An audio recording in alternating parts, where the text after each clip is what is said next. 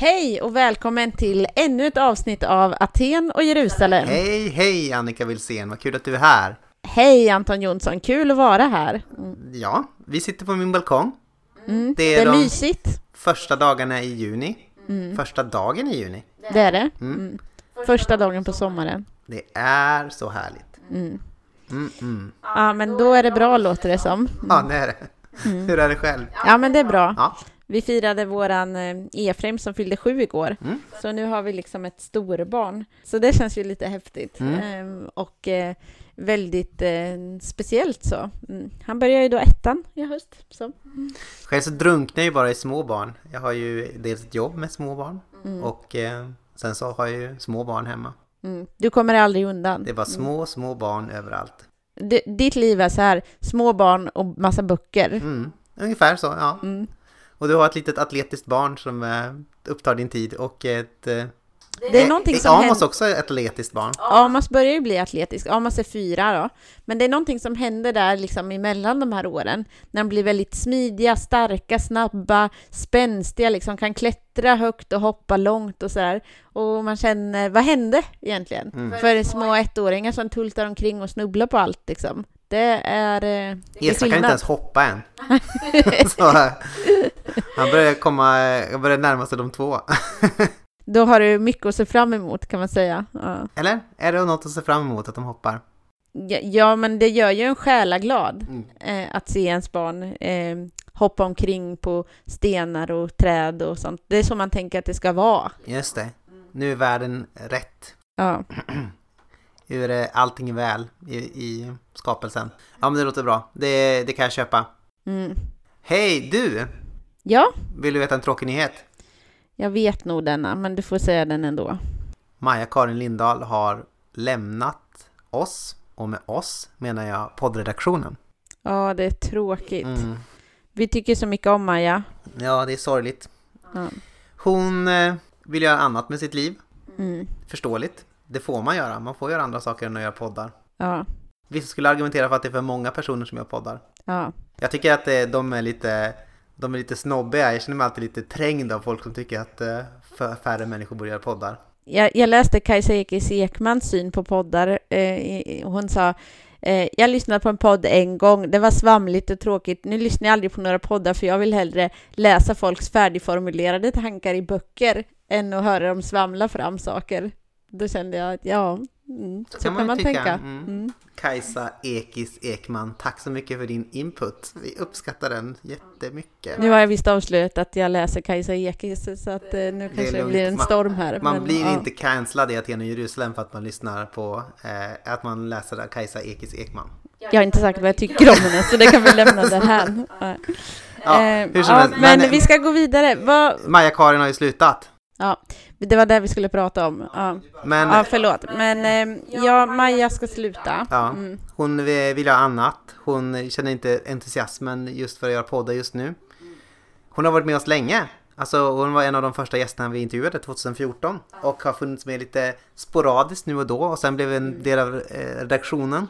Och vi firade, eller hade kick-off hemma hos Majas sommarhus i höstas i augusti. Det var jättefint. Det var jättetrevligt och eh, trevligt. Det var jättetrevligt och trevligt.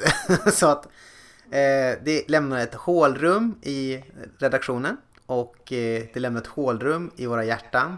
Och det finns inget annat bättre sätt än att vi gör en ljudtribut, en hyllning till Maja som jag nu tänker spela upp för Jag är er. spänd på det Som jag här. har gjort. Mm. Hej och välkommen till det senaste avsnittet av Aten och Jerusalem. Och här har vi en röst som vi eh, känner igen men som det var länge sedan vi hörde i poddformat. Vem är det vi pratar med? Åh, det känns som jag har ringt in till så här P4. Jag tyckte att du introducerade oss lite dåligt. Vilka städer är vi? Alltså jag har varit lite inne på om man skulle vara mer sån öst, lite dra sig mer österut, kanske så här Konstantinopel. Men jag vill nog ändå landa med någon så här erfarenhet, någon stad som talar mer om kristen erfarenhet.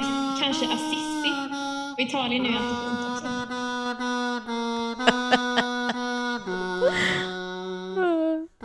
Jesus är en historisk person. Jesus är uppstånden. En levande Herre. En bild på min vägg, ett bröd i min hand, en återglans i vem som helst, ett namn. Och sen en liten bön, om du ville uppenbara dig, inte en guldkalv. Ja, tack så mycket Maja. Det är då jag som spelar Kazoo till din ära. My heart will go on från Titanic. Du kunde inte valt ett bättre instrument. det är, jag har ett väldigt begränsat eh, liksom spektrum av, eh, av eh, instrument som jag klarar av. Kazoo är ett av dem. Näsflöjt är ett annat av dem. så att det, det, det är så bra det kunde bli. ja, mm. Vi tackar för den tributen. Mm. Men framförallt så tackar vi Maja. Mm. Och Maja, kom ihåg, du kan alltid få den här tributen som en ringsignal från mig. Kanske kan eh, göra den som en ringsignal för alla våra lyssnare. Precis. När man true, true believer om man har den som ringsignal. Mm. Men eh, som sorgligt som det är så måste vi lämna det här bakom oss och vara arga på någonting. Ja. Nu ska du vara arg på något. Eh, vi går vidare in i vårt stående inslag, eh, månadens mönster, där vi tar upp saker som vi irriterar oss på eller är besvikna över eller så. Och den här gången tänker jag prata om eh, coronapolisandet och mästrandet som jag är så trött på för det står mig upp i halsen. Har du drabbats mycket av det här personligen eller? Jag har kanske inte drabbats så mycket så, men det har ju varit, jag har inte alltid vågat säga saker till folk att man har, när man, när man, jag jobbar ju i vården också, många sjuksköterskor som är otroligt eh, duktiga och skötsamma och jag är inte så himla skötsam. Så det kan ju vara lite komplex i det också, men eh, till exempel om någon säger så här, nej jag har ju inte träffat någon inomhus på ett och ett halvt års tid, då vågar ju inte jag säga att eh, jag i fredags hade två vänner. Jag brukar slicka disken rent från mina gäster som kommer. ja, precis. Eh, så jag har ju känt mig mästrad utan att någon har sagt någonting direkt till mig. Men framförallt är det, tänker jag, den här mästrande tonen från typ våra myndigheter och sådär på diverse presskonferenser. Eh, tänk nu på att vi alla hjälps åt och håller avstånd och håller oss till de riktlinjer som finns och statsministern som säger gör det inga ursäkter till eh, varför just du ska gå på gallerian. Men vad gör han själv då? Gå på gallerian. Ja, precis. Det var ju, där är ju old news alltså. Men det stör mig lika mycket fortfarande. För att jag är i grund och botten dygdetiker. Alltså jag tror ju att eh, på något sätt det goda eh, det handlar inte så mycket om att följa en uppsättning regler, utan att, om att bli en viss typ av människa, där vissa egenskaper eh, liksom får träda fram allt mera. Mm. Men man blir inte enligt mitt synsätt en god människa för att folk säger åt en att man ska skärpa sig på alla möjliga olika sätt. Utan man blir en god människa genom att... Dra dig upp i kragen lille vän. Ja, precis. Sen när har det någonsin hjälpt? Pull yourself together. Häromdagen var det någon som sa att eh, vi pratar om morgontrötthet och, och jag brukar snosa på morgonen för jag är så morgontrött. De säger, men vad då? Det är väl bara att gå upp? Lätt för dig att säga bristande insikt i hur människor fungerar. Och det tänker jag att det är liksom eh, det här med coronan att, men vad då? det är väl bara att inte träffa någon liksom. Det var ju mycket den tonen. Mm. Hur svårt kan det vara? Ja, precis. Eh, mycket sant. Ehm, jag tror inte att eh, det hjälper med mästrande tonfall. Och, och jag längtar så nu när corona går neråt efter att vi ska kunna slippa det där. Så att vi kan liksom återgå till att försöka jag tänker att för mig, min etik sitter ju också ihop med den kristna tron och eh, den kristna gemenskapen. Så jag känner ju snarare att jag blivit en mindre moralisk människa för att jag har förlorat mitt eh, sammanhang och min kristna gemenskap i mångt och mycket. Kristi kropp är tillfälligt eh, i koma. Så jag är dra åt skogen, ta det i kragen mentaliteten. Mm. Jag har en fråga. Mm. Jag tänker så här att eh, det är ju väldigt många som säger det här som ett mantra, att jag är så försiktig och sådär.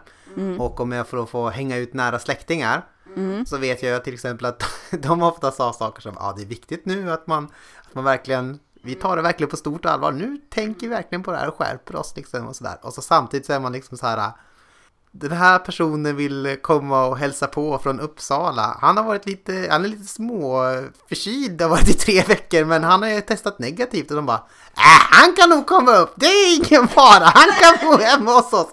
Alltså jag tänker mycket så här att man säger att man är försiktig så här, att det är mer som ett mantra som man intalar sig som kanske inte har så mycket att göra med verkligheten alltid. Men också att det är så mycket lättare att döma andra än vad det är att ha den klara blicken på sig själv. Mm. Liksom den som går ner på stan, den är, är ju dum liksom. Men om jag gör det så var det ju för att jag behövde göra det. Nödvändigt. Ja, precis. Att man är alltid mycket hårdare, eller under den här tiden har jag upplevt att folk är mycket hårdare i sin bedömning av andra än av sig själva. Och det är ju klassiskt dömande. Det är ju aldrig härligt, oavsett corona eller inte. Mm. Det som eh, Isak Bashevis Singer skriver i en av sina böcker, alltså en romanförfattare, att eh, skillnaden mellan helgonet och en syndig människa är att eh, nej, båda gör moraliska bedömningar av allt. Eh, syndaren dömer andra, den heliga människan dömer sig själv. Mm. Ja, det var snyggt formulerat. Precis, och, men jag ville bara säga så här att är inte sjuksköterskor, är det fortfarande så att sjuksköterskor röker väldigt mycket? Nej, Nej, jag tror undersköterskor gör nog det. Ganska det är en klassfråga. Arbetarklass, det är en klassfråga. Och jag är ju en, till, min yrkeskår är typiskt medelklassig, så vi röker inte så mycket. Ja, just det. Det röks väldigt lite Inte ens en snus eller? Snusas gör det desto mer. Mm. Mm. Absolut. Ja, så då kunde vi inte eh, klanka ner på det på något sätt, att eh, det är mycket snack och lite verkstad. Förra överläkaren på lungmedicin som var expert på lungcancer, han var storrökare. Men det är någonting som är, det är, någonting som är bra med rökare tycker jag. Alltså, det här är också från ett meme på internet där, att eh, Mariana-rökare, när man säger så här, det, borde, det här kanske inte är så nyttigt för dig, så är de alltid bara åh, det är naturligt, åh, det är bara en planta, och det är så mycket andra bra positiva effekter för mig och min hälsa. Men om man säger till en rökare, en vanlig rökare bara, det där är inte så bra för dig, säger de, du kommer dö av lungcancer, säger de bara, mm, jag vet. Det är inga så här bortförklaringar på dem. Nej, det är ju för sig eh, skönt. Vi är alla överens om, både rökaren och icke-rökaren, Mm. vad det är för någonting som sker. liksom. Mm, du håller sakta på att ta livet av dig. Mm. Okej, Det är som det är. so be it. Precis. Ja, men eh, det var min mönster. Mm, så då är det väl dags att dyka in i dagens avsnitt. Vem har vi pratat med den här gången? Det är Bengt Rasmusson, Whee! broder till Arne Rasmusson, tidigare intervjuad i den här podden, förläggare till Roland Spjut, tidigare intervjuad av oss två gånger. Just det. Och senast i samband med att hans eh, bok Om Gud och allt annat utkom på Spricka förlag, Mm. som är det förlag som Bengt Rasmusson driver då. Som är ett väldigt så bra teologiskt förlag som ger ut så god teologisk litteratur. Lite mera tuggmotstånd än vad till exempel Libris utgivning som Ja, Libris har ju tappat där. De gav ju ut mycket bra teologisk litteratur för några årtionden sedan. Men sen så har man tänkt att det inte är lönsamt, så nu ger man bara ut så här massor med självhjälpsböcker och eh, typ självbiografier. självbiografier och sånt där. Som kan ha ett värde i sig, men som kanske inte är... Man eh, utmanar inte sina läsare så mycket, eller sina potentiella Nej. köpare. Det är inget man gör en teologisk bokcirkel om i Aten och Jerusalem, familjen i alla Nej, fall. precis. Då får de skärpa sig lite om de vill vara med i den. Som ett hett eftertraktat bland alla förläggare att få vara med i våran... Eh, I våra bokcirklar. Eh, de, bara, de bara hänger på oss eh, och vill... Kan ni inte ha en bokcirkel av oss? Eh, våran bok! Våran självhjälpsbok! Nej. Men... För, för Ja. vi har ju haft en bokcirkel till exempel om den evangeliska teologin som är utgiven på Spricka förlag av Karl Barth. Så han, de Ja. ger ut så här mycket, eh, Bengt ger ut mycket bra grejer. Ja. Bengt är bra. Bengt är bra. Han är också webbutvecklarsnubbe. Håller Mm. på med Inmedit eh, är hans företag där. Så om du behöver utveckla någonting, om du ut, behöver utveckla något sorts nät Mm. eller en webb på något sätt. Så hör av dig till Bengt. Ja, gör så. Så han är förläggare, webbutvecklare, men han är ju också i någon mening teolog. Ja, det tycker jag. Inte Mm. någon mening. Han är ju, han är ju magister. eh, Jag hörde. Emma, Emma Auda säga att den är teolog som gör teologi. Ja, och det gör han ju. Mm. Och här pratar vi till exempel om spännande saker som onytta och sådär, som man har Mm. funderat mycket på. Alltså att inte vara nyttig. Mm. Det är ju ett eh, bra teologiskt eh, ämne, tänker jag. Eh, Det är otroligt spännande. Men det ska vi inte... Ni får lyssna helt Ja, vi, vi enkelt. spoilar inte så mycket. Så han är så, förläggare, bra böcker. Eh, han är webbutvecklare, det kommer vi inte prata om någonting om. Mm. Och så är han då teolog. Mm. Ja, Take it away Bengt. Nu kör vi.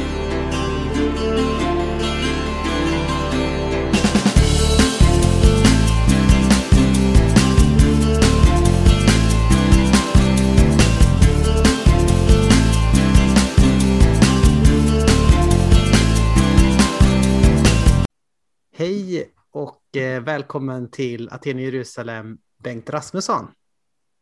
Hallå Anton. Kul att du kan eh, vara med. Ja, kul att jag får vara med. Var sitter du någonstans? Jag sitter nere i Oxie som är en stadsdel med eget postnummer i Malmö. Mhm.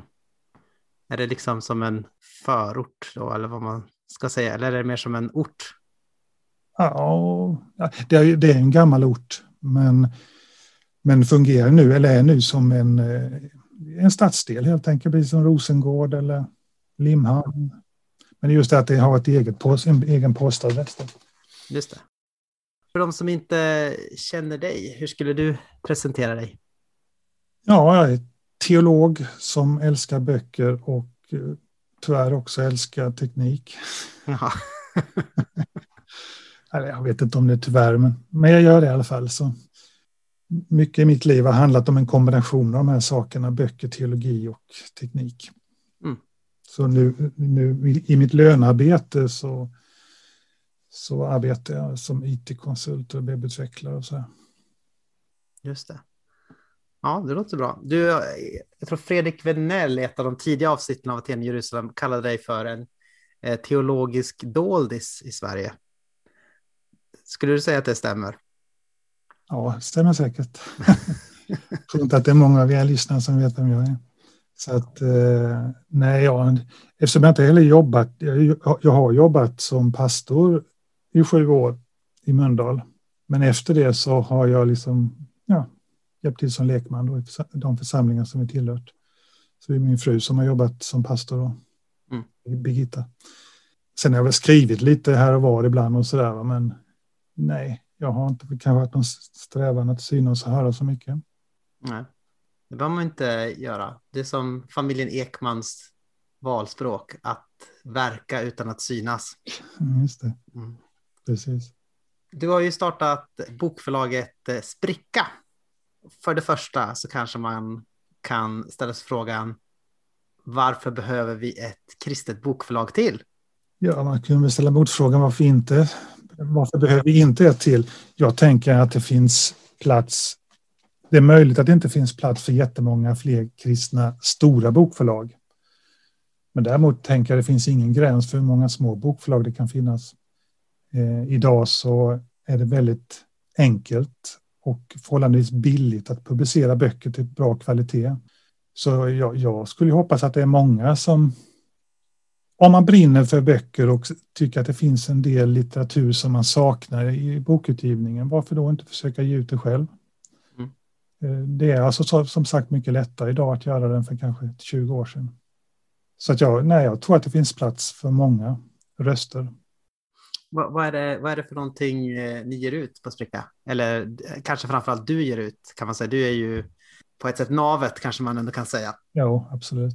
Det är ju kristen teologi, vilket inte betyder att jag aldrig kan ge ut någonting annat, men eh, här i början kommer det vara mycket då som är kristen teologi. Eh, och om man har sett eh, på hemsidan och kanske sett förlagets utgivning så har det hittills varit en hel del böcker, sådana här klassiker som jag tycker är för bra för att vara out of print.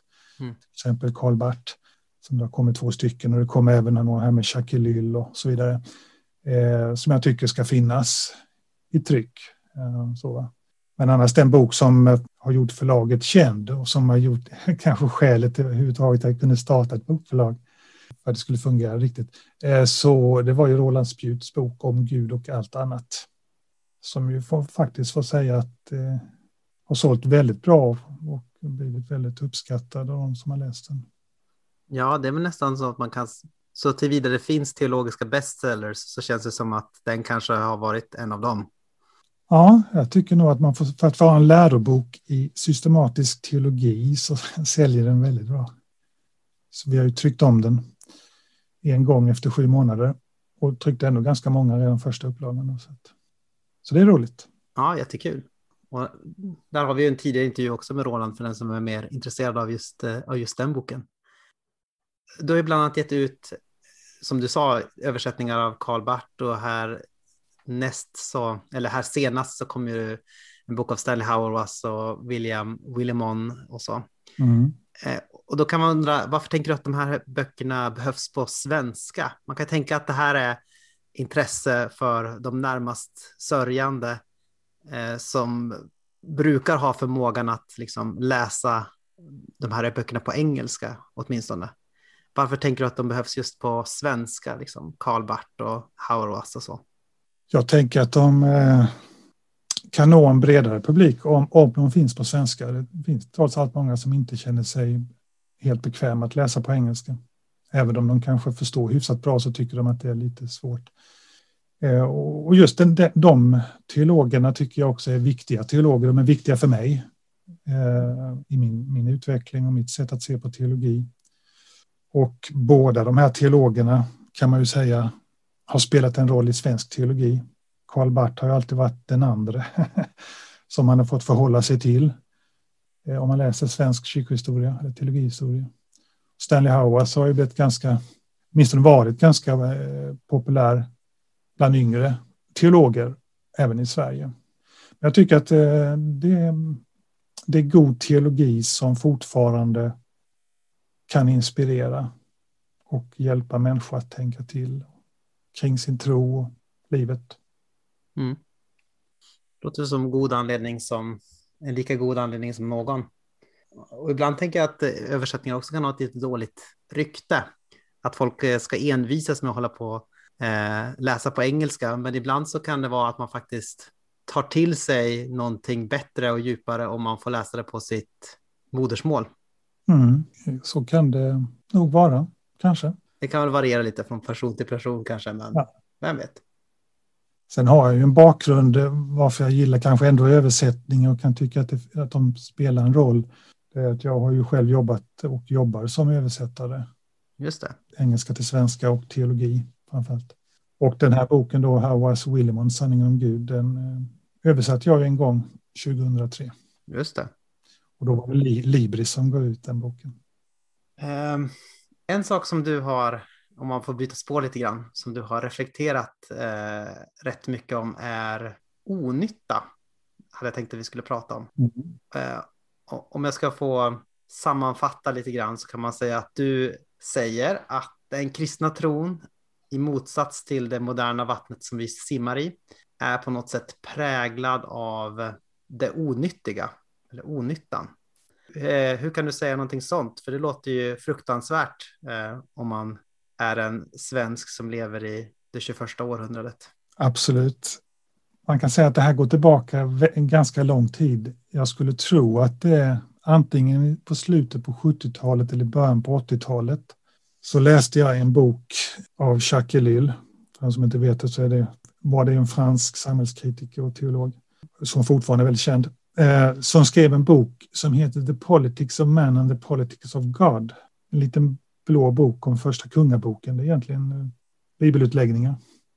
Eh, men det finns ett efterord där som heter En meditation över onyttan. Mm. Och den lilla texten, eh, jag vet inte, tio sidor eller vad det kan vara, drabbade mig då. Har levt med mig då liksom ända sedan, ja, 40 år. Eh, men det var och jag funderade redan då, jag har fortfarande kvar små anteckningar, jag skrev ner där, funderade lite över hur man skulle reflektera kring det här med olyckan, för det var ändå någonting som, det kändes nytt för mig när jag läste det då. Och jag tänkte, men det, det drabbade mig ändå på ett sätt som gjorde att jag insåg att här fanns någonting som eh, jag inte hade hört så mycket innan då. Och sen har jag då reflekterat genom åren kring det här mer och mer. Och jag har ju läst mer av Jacqueline. Eh, det här, det här säger inte han, liksom, han tar inte bara det i luften, att det här med onytta och nytta, att det är en viktig frågeställning. Utan han är ju också känd för att han har analyserat mycket av det teknologiska samhället och han menar liksom att vår tid, och då pratar han om 1900-talet och, och, så, är ju framförallt då, och det gäller ju även nu då, 2000-talet, präglad av mycket betoning på aktivism, resultat, framgång på olika sätt. Och han menar då att det, det bygger, eller en, orsaken till den kan ju finnas många, men en viktig orsak det är det teknologiska samhället som han talar om. Hur det teknologiska fram, eh, samhället växer fram och därmed så växer det också fram en slags eh, teknisk moral, skulle man kunna säga. En moral som säger till exempel att det som man kan göra, det ska man göra. Eller ju effektivare, desto bättre. Eller ju snabbare, desto bättre. Det är liksom den luften som vi andas i och som vi, vi tycker liksom att det är ganska självklart tills någon kanske sätter sitt finger på det. Men om man betonar sådana saker som resultat, snabbhet, effektivitet, då, då inser man också att onyttan blir närmast en dödssynd. Alltså att göra saker som inte ger resultat. Att, att betona sånt som inte liksom kan mätas i, i, liksom i staplar och diagram. Ja, men det får man ju inte göra. Så vi måste ju göra det som vi kan ta på och som, och som är liksom handfast, som vi tycker. Då. Men då menar Lill, och inte bara han naturligtvis, men inte minst han, att, att eh, i den kristna tron och den kristna berättelsen så finns det ett grundläggande stråk av det här just med onyttan. Han bygger ju på vissa liknelser som Jesus sa och så vidare. Men, men man kan ju bara ta, liksom, om man tar Jesusberättelsen som ett exempel, så i början av Jesu liv så säger Jesus liksom nej till onyttan i de här till exempel de här eh, frestelseberättelsen. Då. Nej till nyttan, eller? Han säger nej till nyttan, om jag sa någonting annat. Men han säger nej till nyttan. För man kan tänka, han fick ju världens chans där. Att du får alla världens riken. Det fanns bara en liten catch. Och att han skulle tillbe då djävulen. Men det var ju det Jesus ville ha egentligen. Han ville ha hela världen, eller frälsa hela världen, eller man ska uttrycka det. Va? Men Jesus sa nej till den vägen. Va? Eh, man ser det också under hans tjänande. Om man ser liksom Jesu, de här tre åren då Jesus verkar på ett särskilt sätt. Om man tittar slutet där, hur många efterföljare har Jesus mot slutet? Jag gissar att han har kanske typ två kvinnor eller två, tre stycken.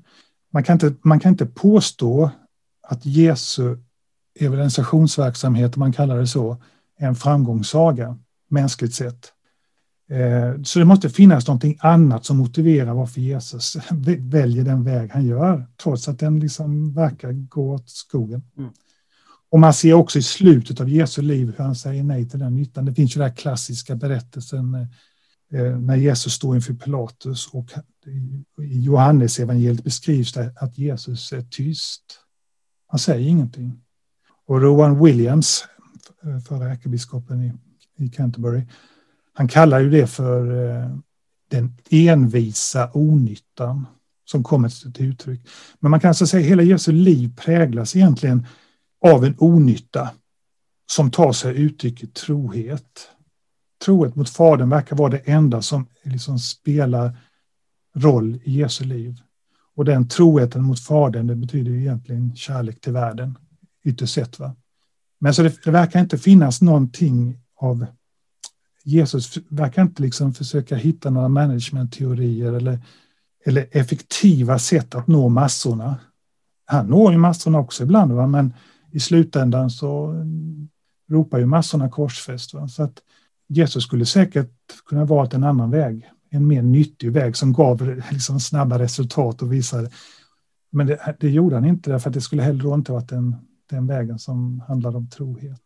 Det är väldigt intressant, tycker jag, om man kollar på till exempel Marcus evangeliet där i, i början av Marcus evangeliet så är det väldigt tydligt att Jesus kommer till något ställe, får en eh, framgång, eller vad ska jag säga, folk, människor lyssnar på honom. Ehm, det är många som kanske blir eh, helade eller demoner kastas ut och sådär. Och så sen så sticker han ut i öknen eller så, ut i ödemarken och ber, är liksom med sin fader och så kommer lärjungarna och säger alla söker efter dig. Och då säger Jesus liksom konsekvent flera gånger så ger han sig iväg åt ett annat håll då. Alltså när, när han har den här chansen att få det här stora genomslaget, eh, kanske skapa den här massrörelsen, då känner han sig, då känner han sig manad i de här tidiga kapitlen av, av Marcus evangeliet att gå åt ett annat håll. Mm, mm. Jag vet inte, jag tänker det är väldigt intressant och liksom lite annorlunda mot vad många tänker kanske i kyrklig verksamhet. Precis. Nej, för mig blir det här också något viktigt eh, i förhållande till liksom hur vi tänker i kyrkan. Jag menar, en klassisk fråga som jag ständigt stöter på i olika sammanhang, kyrkliga sammanhang. Det är ju den här frågan, hur blir vi fler? Mm. För mig, och jag förstår att det kan finnas ett visst berättigande i en sån fråga, men jag tänker om, om det är den primära frågan, hur blir vi fler i församlingen? Hur får vi fler medlemmar? Hur blir fler människor omvända? Om det är den primära frågan, då är risken att vi kommer i slutändan att tumma på troheten. Det vill säga, vi kommer då hamna i en situation där vi försöker hitta metoder som ger resultat som gör att det blir fler människor frälsta. Mm.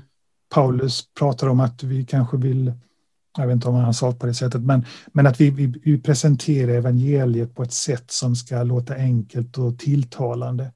Ja, ett klassiskt exempel har vi en välkänd kyrka i USA som i sin sökarvänlighet tog bort korset i fronten. Mm. För de menar att det kunde vara lite anstötligt om det är det första man ser, ett kors när man kommer till kyrkan. Och då tycker jag att då anar man att den här längtan efter framgång, i det här fallet att bli fler människor som blir frälsta till exempel, leder lätt till att troheten mot Kristus, att man tummar på den. Va? Eh, så att det, det, är liksom inget, det är inget, det är inget teoretiskt problem det här, liksom bara som man, ja, man, det är kul att prata om nytta och onytta, utan, utan det får väldigt praktiska konsekvenser. Ja, precis. Det finns den här, eh, jag tänker på det att många pastorer blir eh, utbrända eller får någon sorts tider kanske av utmattning eller så här att man inte kan vara lika fullt i sin tjänst. Till exempel hade jag varit med i en basgrupp eh, som en som en sorts en sorts grupp inom Evangeliska Frikyrkan när man träffar andra pastorer som är nya tjänst. Där tror jag att det kanske var ja, men, jag tror att jag snarare underdriver än överdriver om jag säger att sex av tio åtminstone hade någon svit liksom av utbränning eller att man gick ner i tjänst på grund av att man kände sig utmattad eller sådär. Mm. Och jag funderar på om det också är det här med att när man är pastor så har vi å ena sidan ett jobb där, eller en kallelse där ingenting någonsin blir avslutat. Det är hela tiden så öppna processer som pågår, så här långsamma, rullande rullande processer av lärjungaskap och misslyckanden och, och liksom växt i människors liv och tillbakagång och sådär. Och det, är liksom, det rimmar så dåligt med den här äh, idén som vi har eller önskan av att vara nyttiga och effektiva, att få saker att hända, eh, att bygga Guds rike om man så vill. Och att just den här, att den här skärning, skärningen mellan de här två, att det är kanske det som skapar lite så utbränning. Mm. Ja, att man har fel måttstock för det man håller på med. Mm. Precis, nej men jag, jag, tror att det här med vilken måttstock vi använder, om vi nu använder måttstockar, så, så det, det, det, kommer påverka oss. Elyl, som vi då har pratat om redan flera gånger, han har ett, eh, i en bok som strax kommer, då, dold reklam, eh, så... Eh, den är inte dold om du säger det, att det är reklam. Hoppsan, du får klippa det sen. Eh, men han har ett kapitel som handlar om mål och medel i den här boken som heter Närvaro i modern tid. Och det, är ett, det är bland det bästa jag läst om det här med mål och medel som alla borde läsa. Han, han relaterar inte det i första hand till bara kyrkans verksamhet så, utan överhuvudtaget liksom i samhället. Men hur lätt de mål, mål eller medel vi använder, hur de kommer på ett eller annat sätt att äta sig in i Eh, de mål. Vi kan ha fina mål vi än vill. Medlen kommer liksom äta upp dem. Om vi använder felaktiga medel så att säga, va, så, så kommer också målen i slutändan att förvrängas. Och samma sak blir det ju här om, om så att säga, våra medel har en, en karaktär av effektivitet, nytta, eh, att det är det som är liksom det viktiga. då kommer också slutresultatet kanske inte bli ett evangelium som handlar om nåd och frihet, utan ett evangelium, om det nu är ett evangelium, som istället handlar om andra saker. Hur vi kan vara framgångsrika och hur vi kan göra allt och vi måste göra allt och sådär. Va? Det som är fantastiskt tycker jag i, om man ser den här betoningen på troheten, alltså onyttans trohet, det är just att det finns den här både nåden och friheten. Nåden att vi behöver inte rädda världen. Gud har aldrig gett oss uppdraget att rädda världen. Vi har inte ens uppdraget att rädda en människa. Det är Guds sak. Och det är ju en fantastisk nåd. Vi behöver inte känna den där prestationsångesten att nu måste jag se till att det slutar lyckligt. Och samtidigt lever man i den nåden så kan man också känna den här friheten att vi måste inte göra det som är effektivt. Vi måste inte göra det som alla tycker är nödvändigt, som är liksom det nödvändiga i vår tid. Utan vi kan känna den här friheten att göra andra saker som kan tyckas vara dåraktiga och knäppa om man mäter, mäter med de här moderna effektivitetsmåttstockarna så att säga. Mm. Ja, visst. Man kan tänka att de flesta medlen som vi har i den moderna världen har ju inget annat mål än tillväxt. Så att Nej. Det, det, det är liksom för de syftena som mycket av vår teknik har skapats och eh, det kommer kanske också då liksom äta sig in i vad vi tänker är syftet med vad vi håller på med. Precis. Elyr går väl så långt han säger att eh, medlen i vår tid har ätit upp målen helt och hållet så det finns inga mål längre, det finns bara medel. Mm. Medlen är liksom allenarådande. Precis. Eh, allting ska gå snabbare. Varför? är det fel fråga. De ska, det, ska, det är självklart att allting ska gå snabbare. Mm. Till exempel. Mm.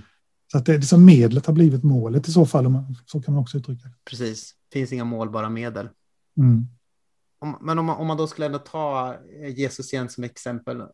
Om man skulle försöka hitta något motargument mot det du säger då. Mm. Skulle det inte kunna vara så att Jesus hade några korta år av intensivt görande när han bara liksom gick från plats till plats, gjorde sjuka friska och agerade i näst, någon sorts nästan brådska eller någonting. Skulle man inte säga att det är en, ett uttryck för nyttans vikt eller att, att använda sin tid väl, att vara effektiv? Så. Ja, man kan ju då tänka sig att Jesus levde ju lite mer än 30 år på jorden.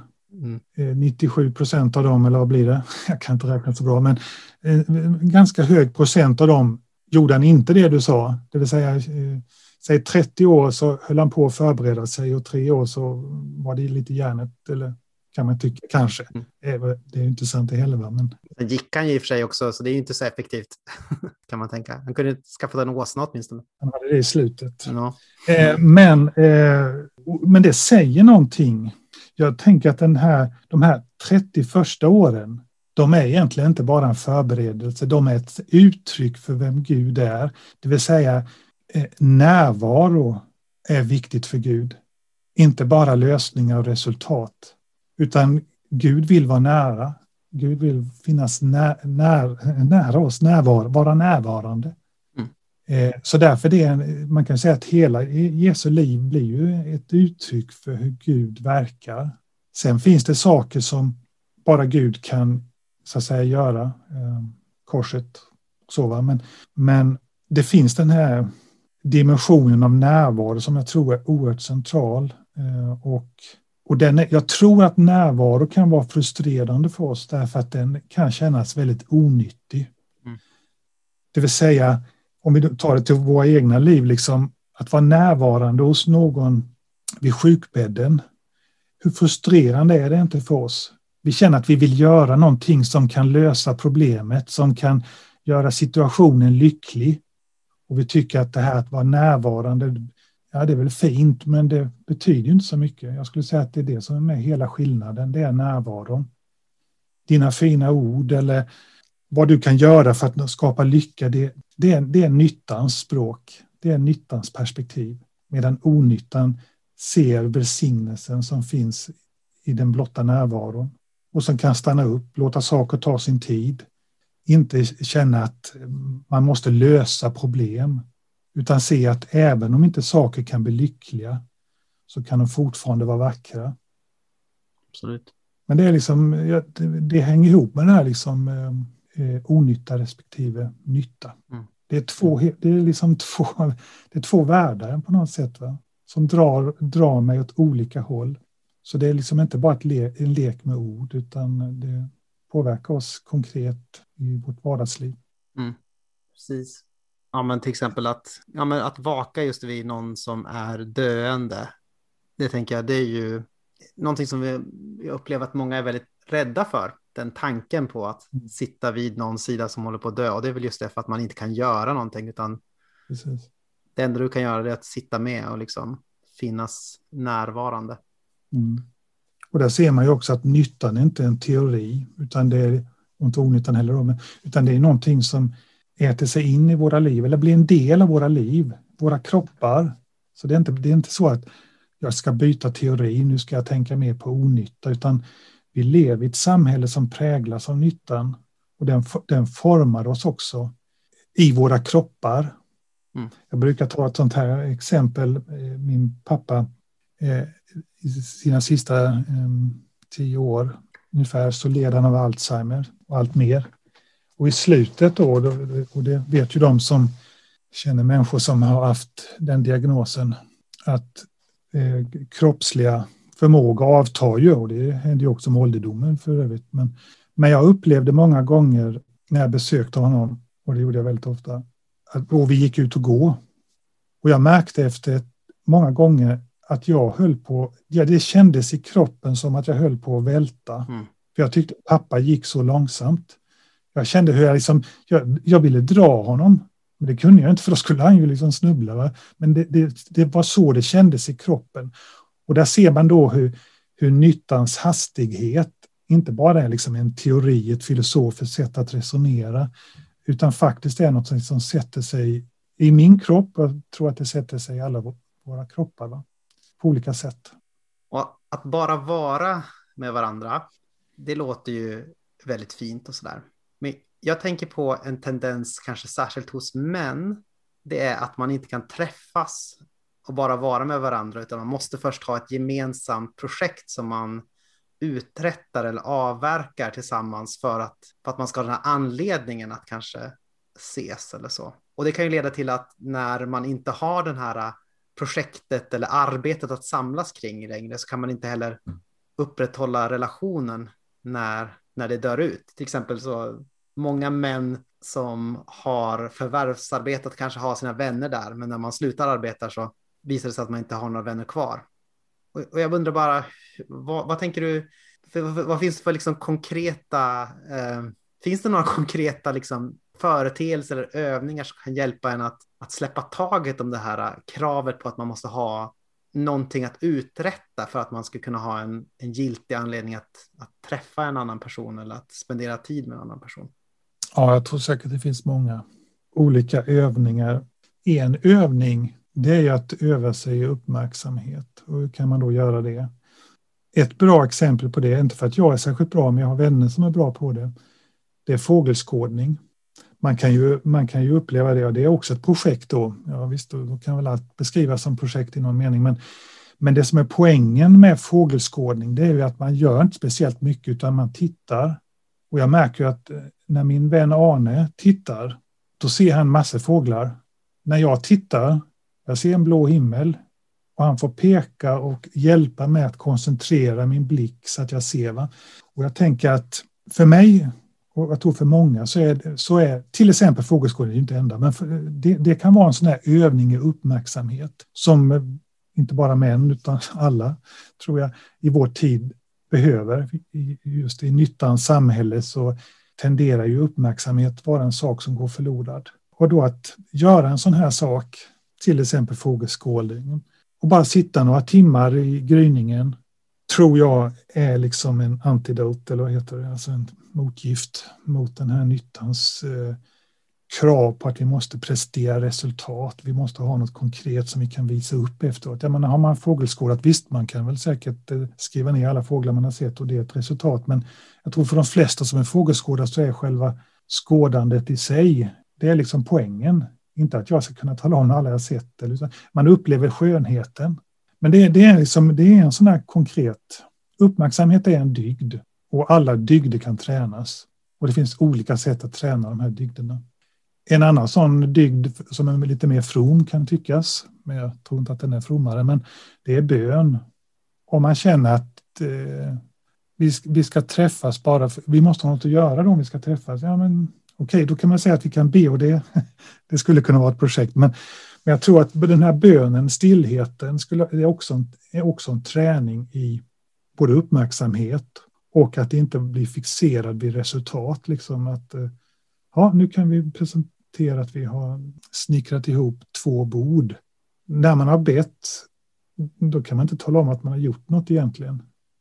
Eh, bön är något onyttigt. Jag tror jag har något citat här någonstans eh, som jag skrivit av Henry Noven. Eh, han säger så här, bön är att ta det lugnt, being unbusy med Gud istället för att vara fullt upptagen, being busy, med andra saker. Bön är i första hand att göra ingenting nyttigt eller produktivt i Guds närvaro. Mm. Det är också ett sätt, jag tror att vi kan göra bön till något, vi försöker ibland göra bön till något produktivt. Beta av hur många bön vi ska göra och, och mycket som vi har sett hända. Men jag tänker att om vi försöker förstå bönens väsen så är det att inte försöka sträva efter nytta. Jag vet inte om jag svarar på din fråga egentligen, men, men, men det är i alla fall ett par praktiker som kyrkan erbjuder för att hjälpa oss till uppmärksamhet och hjälpa oss bort från den här fixeringen vid, resultat och nytta och produktivitet och sådana saker. Jag tror att man skulle kunna säga att, det är inte ett exakt citat, men någonting i stil med det här eh, säger du, att vänskap dör när det blir en nyttorelation. Mm. Vad menar du med det? Det visste redan Aristoteles och förmodligen säkert många innan honom. Han talade ju om olika vänskaper. Han hade ju den goda vänskapen då, som byggde på dygd. Men så talade han också om att det fanns eh, njutningsvänskap, det vill säga att man bara, det var roligt att vara tillsammans. Och det, det, är också en vänskap, men det är inte den där goda vänskapen. Och sen pratade han om nyttovänskap. Det är också en, någon typ av vänskap, men det är inte den goda vänskap som, som han menade och som jag skulle hålla med om också. Det vill säga, problemet är ju om man gör... Jag skulle påstå att om man, om man vill bli vän med någon för att man ska ha nytta av det på ett eller annat sätt, då har man redan dödat vänskapen vänskapen går inte, går inte hand, kan inte gå hand i hand med den typen, i alla fall inte en god vänskap kan inte gå hand i hand med den tanken på att man ska nytta varandra. Och här tänker jag att inte minst i vår tid med sociala medier så, så är det lätt att vi förleds. Även om ingen tror att vänner på Facebook är samma saker som kanske vänner i vanliga eller away from keyboard så tror jag att det påverkar vårt perspektiv. Eh, det vill säga vilka kan jag bli vän med så att jag får, eh, får fler likes eller får fler kommentarer eller får fler följare. Det kan tyckas vara en liten grej, men någonstans där så finns den här tanken att jag, jag blir vän med dig därför att jag vill ha nytta med dig, nytta av dig. Men då är det ingen vänskap. Då är det någonting annat, så att säga. Men inte den vänskap som jag tror inte bara Aristoteles pratar om utan också Jesus. Den finns på ett djupare plan där man inte... Vänskapen är något gott i sig. Den är inte, den är inte någonting för någon annats skull. Och det här det är inte ovanligt idag att man hör talas om sådana här begrepp som vänskapsevangelisation. Jag tror väl att du har hört det. Mm. Det är inte så ovanligt. Och för mig så, jag förstår att det, det är säkert gott menat och, och på många sätt. Va? Men det finns en djup problematik i det.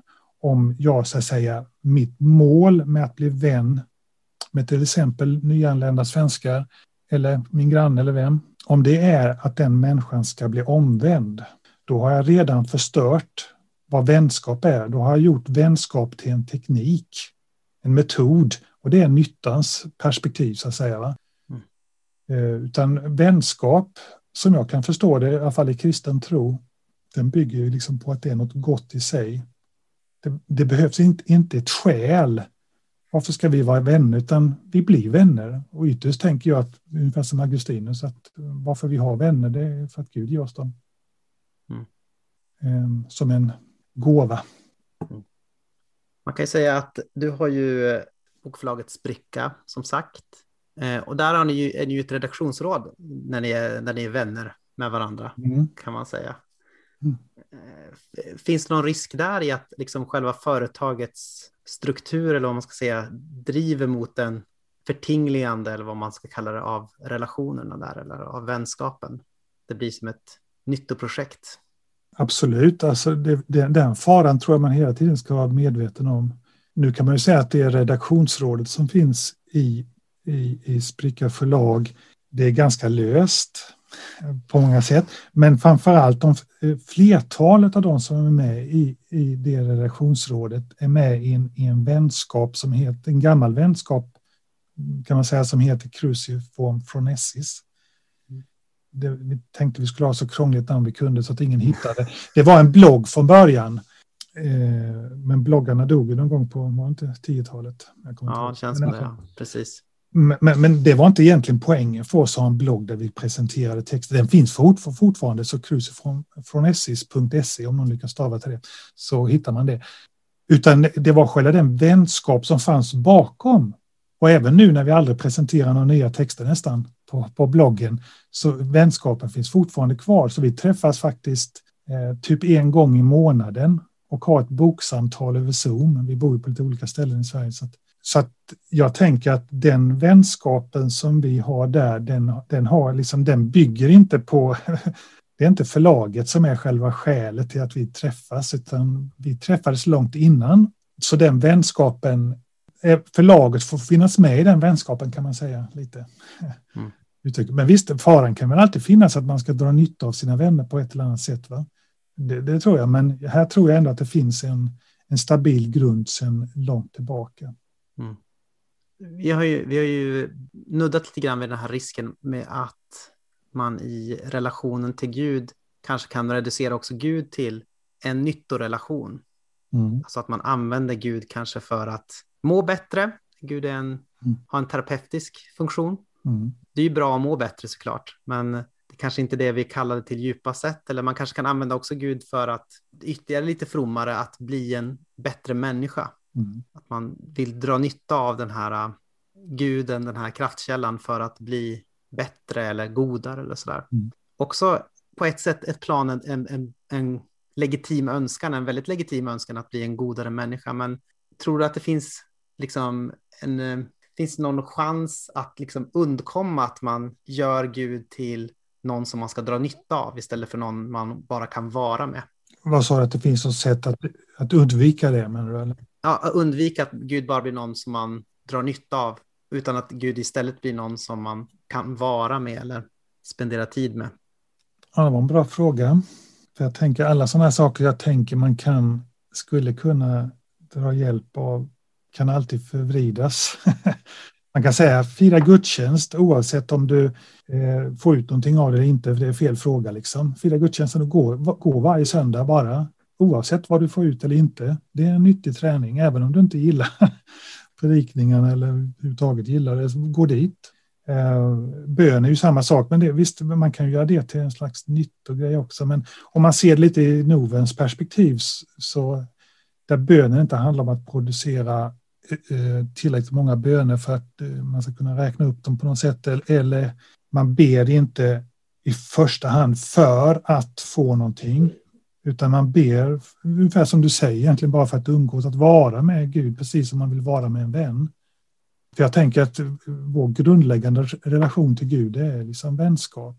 Kan man ha de perspektiven lite mer, att försöka, försöka hindra sig själv från att använda det här för att i relation till Gud. Mm. Jag ska be för att, jag ska gå på gudstjänst för att, utan att det är något gott i sig. Va?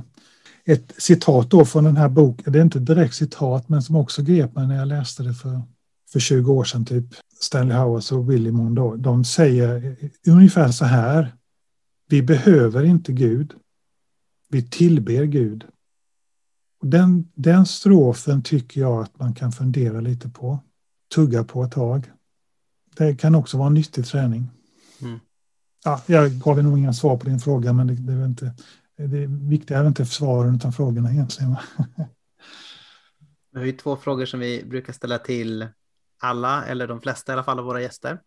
Mm. Eh, den första lyder så här. Vem är Jesus? Eftersom jag vet det här så har jag förberett mig. Yes. det är inte lika överraskande. Eh, när, det säger, när eh, det gäller vem är Jesus, så att, då, vill, då skulle jag vilja säga så här, en kort mening.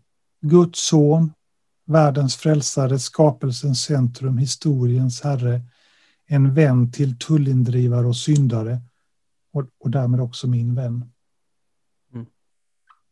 Gott. Och så är den andra frågan. Vem borde vi intervjua i den här podden?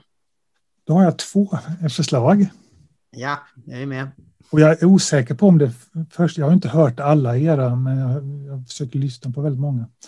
Det är kul att du gör. Då tycker ja, verkligen, jag rek- rekommenderar alla att, som nu lyssnar, med sig någon annan nästa gång att också lyssna. Precis, det är jättebra. De här, det är för sent för de här som lyssnar redan. De är, Precis, De är inte dit. Eh, Den första jag tänkte, det, det, det är ju någon du känner, det är Samuel Åsberg. ja, Har ni intervjuat honom? Nej, det har vi aldrig gjort. En, en, en jättegod vän sedan några år tillbaka.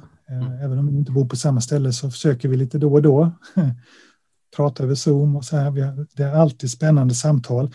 Han är ju en ung, lovande teolog, en stjärna redan på många sätt.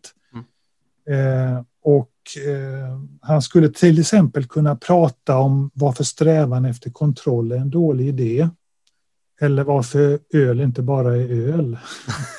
även, om, även om inte jag kan förstå just den sista grejen där så skulle han kunna utveckla det. Han, är, han, är, han har ju ett väldigt stort eh, ölkonto på Instagram.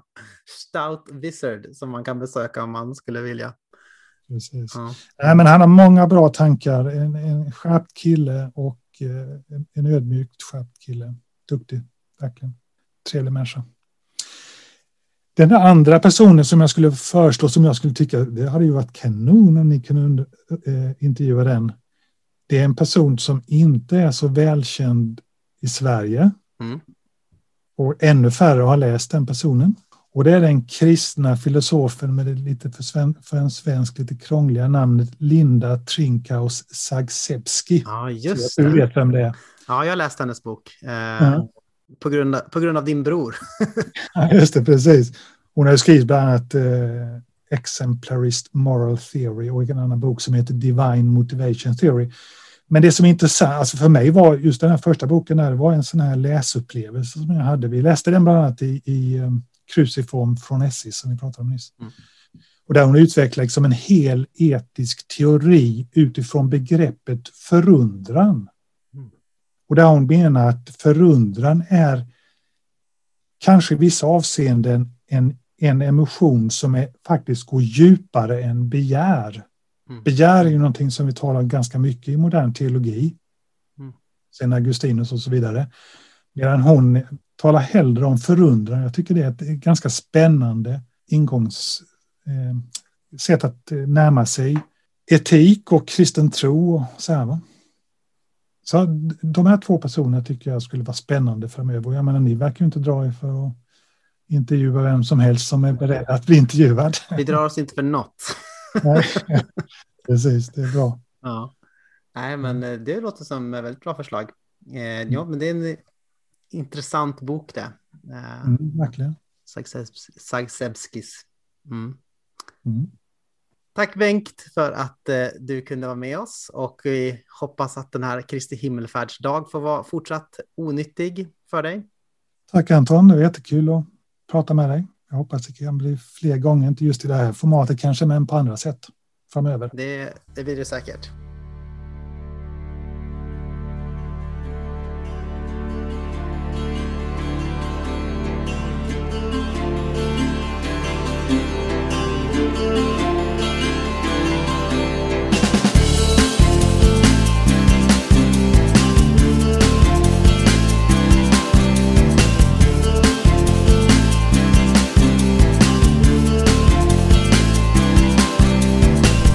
Hallå kompisar!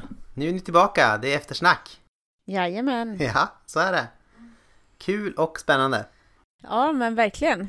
hoppas ni har haft eh, roligt. Jag tyckte det var, jag tycker det var jätteintressant att lyssna och klippa den här biten som jag gjorde. Då får man lyssna väldigt noggrant också. Nu lyfter vi fram ditt redaktörsarbete här. Bra jobbat! Duktigt! Ja. Det är den pucken som eh, skapar minst entusiasm i Aten och Jerusalem-gänget, det här eh, klippandet. Det kan vara så, men eh, ibland måste man försöka dra sitt strå till stacken. Förut har jag alltid kunnat skylla på att jag tycker att du har mer tid. Mm. För att jag har två barn, men du, du har ju två barn. Två barn och jobbar, hur många procent? 100 procent jobbar Ja, jag. du jobbar skitmycket. Och det är ganska, även om ni har väldigt snälla barn så är det ganska intensivt med två små barn. Liksom. Mm. Det, det är inte så att man får massa pauser under Precis. dagarna. Mm. Och på de här 100 procenten så har jag ju mina 20 000 kronor som jag ska spendera på böcker. Ja. Jag borde börja röka apropå det där med klassfråga. Ja, det hade passat då. Men jag känner att det inte är så mycket, många i din klass som läser typ Jacques Lyll eller eh, vet, Ivan Illich och sådär. Du, du har redan vissa klassavvikelser. Ja, precis. Du, du behöver inte anamma rökning. Jag brukar ju kalla, jag och Sofia brukar kalla oss ibland för välutbildad arbetarklass eller så. Eller Ja. typ, om man ska vara elakta mot oss själva, snobbig eh, arbetarklass. ja, det beror på hur man ser det. Precis. Så att vad eh, mer finns det att säga? det var, nu ska vi komma in på själva eftersnacket. Vi är väldigt bra på att inte prata inte bara göra massor med klassanalyser av...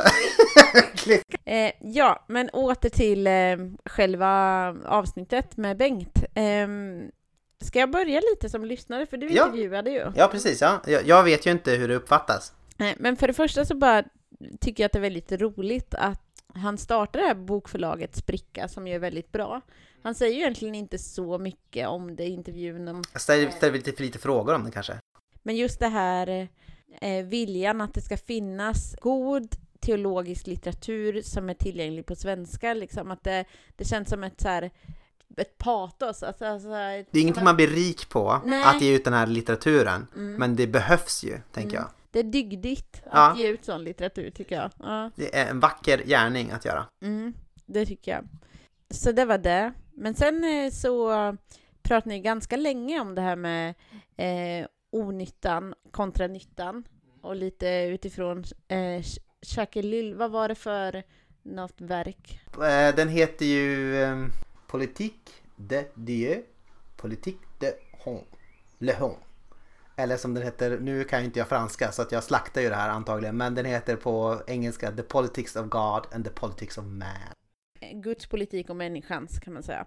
Eh, ni pratar lite utifrån den här boken Mm. eh, och om eh, vikten av eh, onytta. Och då, alltså ni snuddar ju vid, och Bengt snuddar vid en del saker som är ganska intressanta tycker jag, Mm. som har att göra med att det här nyttotänkandet som på något sätt genomsyrar hela samhället kan man säga. Mm. Eh, det, är ju väl, det är ju en debatt för sig, men det är väldigt eh, tydligt i skolan, tycker jag. Att man liksom, i skolan ska forma nyttiga individer som är eh, dugliga för arbete sen. Att Och som är väldigt mätbara. Alltså Ja. det är väldigt mycket mätbarhetens tyranni också i skolan. Att favoritpoddare till poddarna, eh, till exempel Liv Strömqvist och Ola Söderholm har pratat om det här med att, ja men typ så här musik, att man ska hålla på att bedöma det och att man ska liksom sätta någon skala på någonting som är väldigt så här svårbedömligt. Eh, liksom, som egentligen bara är en glädje. som en glädje och som man behöver på något sätt använda intuitionerna för att ta in liksom. Gör man om till någonting som, ja, försöker trycka ner i en fyrkantig mätbar form så. Här har, skulle jag ha Jonna Bornemark en del intressanta saker att säga om. Men det är en sak för sig. Men i alla fall, att vi kan se att skolan är väldigt präglad av nytta. Eh, men eh, överhuvudtaget, liksom, det här tänkandet spiller ju över också till våra egna liv. Att eh, allt vi ska göra ska vi göra för nyttans skull. Så att även, säg att det handlar om återhämtning, Mm.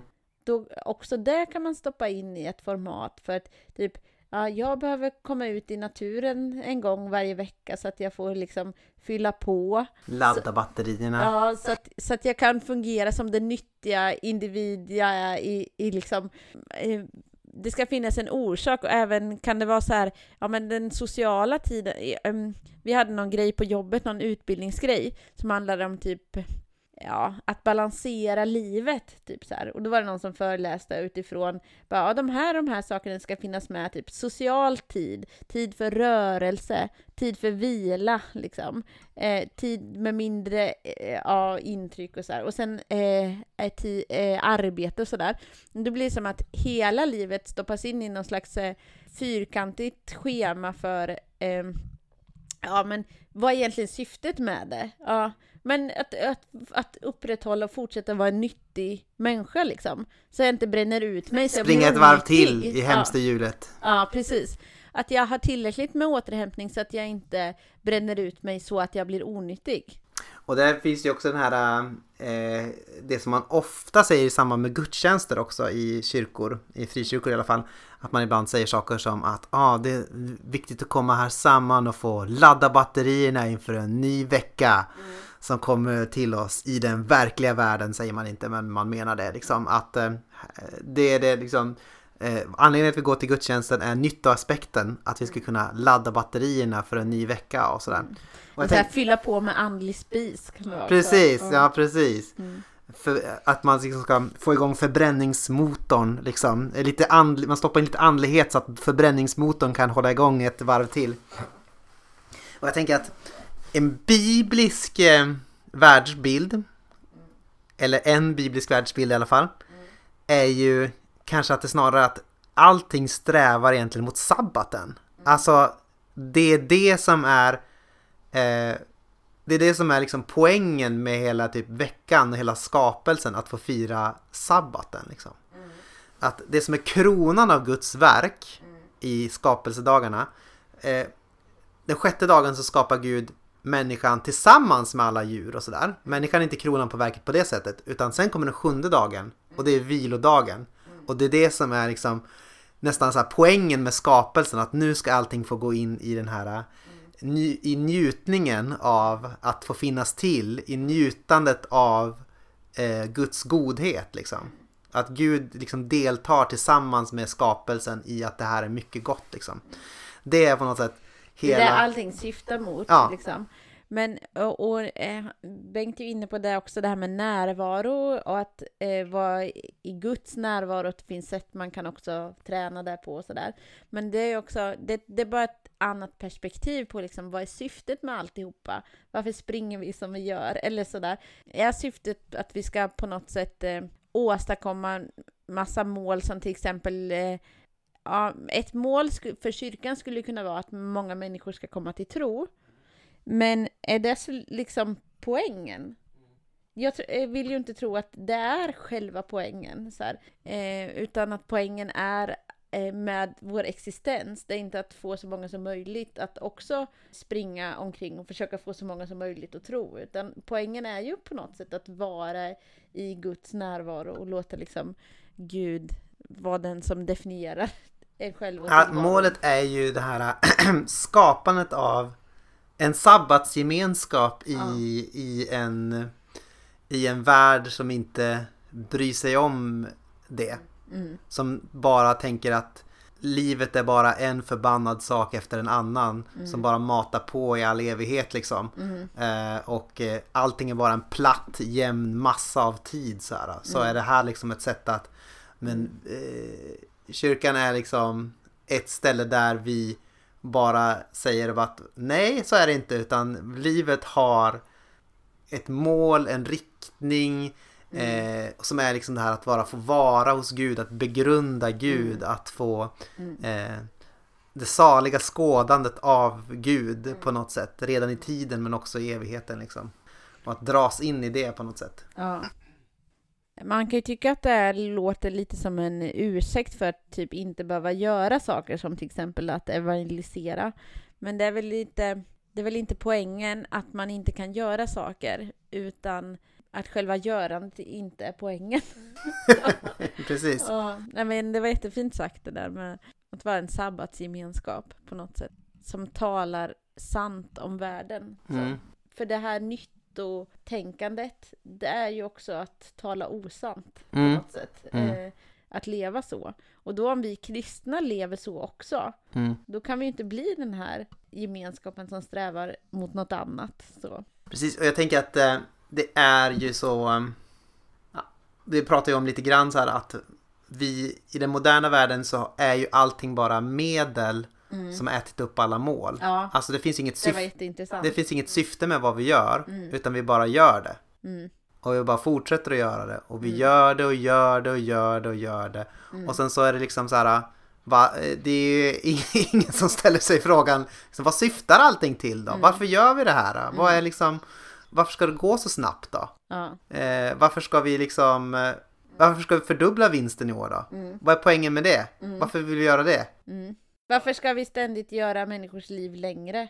Ja, Om vi ändå lever futtiga liv där vi bara gör. om vi redan är döda i tiden, varför ska vi då liksom fortsätta leva?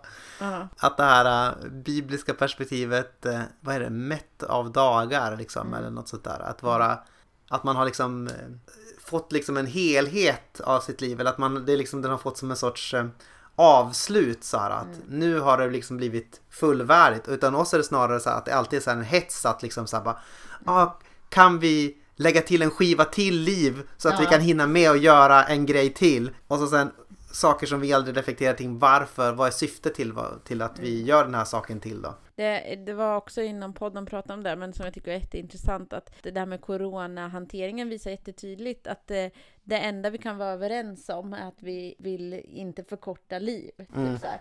Eh, och då menar man biologiskt liv. Liksom. Eh, man skulle kunna räkna antalet dagar som eh, förloras på den här pandemin till exempel. Men eh, eh, vad händer med själva livet i livet? Och där har vi som kyrkan, och, tänker jag, en jätte... Alltså det är typ hela vår uppgift att leva det eh, livet som inte är det biologiska livet utan eh, det här andra. Ja, så jag tror, tycker att Bengt lyfter fram jätteviktiga eh, saker för oss som kyrka att reflektera över helt enkelt. Mm. Ja, verkligen. Vad tycker du om vänskap då? Är du för eller mot Ja, vänskap? men man blir lite avundsjuk på det där kruciform från Fronesis-gänget. Men eh, du sa, vi har ju varann här i Aten och Jerusalem. Så Precis. ja. Men ibland känns det som att jag är lite farao slavdrivaren som bara kommer med så här. Är det någon som vill klippa ett avsnitt då? är det någon som vill vara med här? Ja. Det blir ganska uppdragsorienterat. Precis. Du är, in, du är inne lite på, jag tycker också det är lite intressant att du tar upp att det kan finnas en genusaspekt i hur man ser på vänskap så. Och jag tror att det delvis kan vara sant på en, alltså på en generell nivå då, förstås. Eh, det här att eh, som kvinna så ser man typ att relationerna, de har ett egenvärde i sig och att upprätthålla dem. Men, Medan det för män kan bli lite mer av ja, eh, projektrelationer. så. Jag brukar ju säga det att eh, vi män har inte, har inga vänner. Vi har bara personer som vi gör saker tillsammans med. Mm. Med lite glimten i ögat, men lite sant också. Ja. Eh, och, men jag tänker där, om man ska liksom göra en, eh, knappt en parodi ens, men så är det väl så här att kvinnor upprätthåller sina relationer genom att de träffas och pratar om relationer. Det är ju ofta så man gör, man pratar om andra. ja, eller liksom om... Mycket mer relationsbaserat än eh, hos många mäns vänskaper. Ofta är det så. Men eh, Bengt verkar ju vara bra på vänskap. Mm. Nej men eh, det var, jag, jag tyck, tycker det var fint att höra honom prata om det och tycker också det här med vikten av att inte låta vänskapen instrumentaliseras typ eller Mm. sättas in i ett nyttotänkande. Det är också någonting att, som är viktigt att vara vaksam på helt enkelt. Jag tänker att en vänskap kan väl börja kring att man har ett gemensamt projekt eller vad det vara må. Mm. Eh, för på något sätt måste man ju träffas om man ska bli vänner. Mm. Men, men att låta det gå utanför det sen. Vi bodde ihop ett tag. Ja. Eh, projekt. Nej, ja. det var inte. Eh, och så, I eh, att jag bodde med en familj och med en kvinna till. Mm, I ett litet kollektiv kan vi säga. mm. Och eh, då försöker du, då försökte du eh, lura kvar mig, hålla kvar mig på kroken som vän när jag hade flyttat ut genom att eh, bara erbjuda den här mannen ett projekt som vi kunde hålla på Ja, med. då hade vi ju våran dumfilmpodd. Precis. Visst var det så? Ja, Och då tänkte jag så här att vi fortsätter med den så att, ja, så att vi får fortsätta träffas. Ja. Typ. det gick bra ändå. Mm. Den dog ut. Men, sen, men sen när jag upptäckte att, eh, du, det gick ändå att Mm. träffas. Då blev jag eh, inte lika motiverad att hålla igång podden, om man säger det. Men nu har vi en livlina i alla fall, att vi har den här podden också. Ja, Mm. men det är också det jag känner att jag inte måste ha den här livlinan. Ja, det var skönt. Så därför så tycker jag att eh, du får revidera bilden av att du bara har projektvänner eller så. Mm. Men jag är ju eh, eh, ganska kvinnlig till mitt, till mitt väsen. Så jag Ja. gillar ju eh, relationer för relationers skull också. Lite. Ja. Fast jag är, är också ganska dålig på, jag är dålig på att prata med mig själv och om andra och saker som men jag gillar att träffas. typ sådär. Jag gillar att prata om saker när, vi träff, när man träffas men för att upprätthålla relation typ. Ja. Jag såg en gång hemma hos mina svärföräldrar på kylskåpet så sitter en magnet och står det så här Dåliga människor pratar om andra människor. Normala människor pratar om saker. Goda människor pratar om idéer. Så tänkte det här är en man som har skrivit. Ja, och en platonist kanske, men också där liksom att idéutbyte är något som är lite mer manligt kodat. Och Mm. eh, typ eh, sånt som handlar om relationer är mer kvinnligt kodat. Då hamnar det lägst ner på listan. Mm. Mm. Jag pratar gärna om båda och då. Men, Ja, mm. det går bra. Man kan prata om idéer utifrån relationer. ja. Idéer om relationer. Mm. Som vi gör nu. Ja. Ha, men nu svävar vi iväg lite Ja, här. Nu ska vi, ska vi landa eller? Ja, vi kanske gör det. Ja, Det är säkert, eh, finns det andra saker ni, tyck, ni vill diskutera utifrån avsnittet så kan ni göra det på vår Facebook-sida Mm. till exempel. Mm. som heter Aten och Jerusalem. Mm. Eller så kan ni göra det på Twitter, Twitter. Mm. Eh, at iPod, Aten och Jerusalem. Det som kallas handle, tror jag, är ju ett snabel och iPod. Men det, man kan också söka på Aten och Jerusalem så dyker det upp. Okej, Ja, iPod. precis. Sen så har vi inte så mycket annat. Sociala medier, närvaro. Är Det är inte det. våran eh, starka sida kanske. Nej. Och sen så kan ni skicka ett mail, latinjerusalem at gmail.com. Ni kan svara i en motpodd någonstans. Ja. Precis. Mm.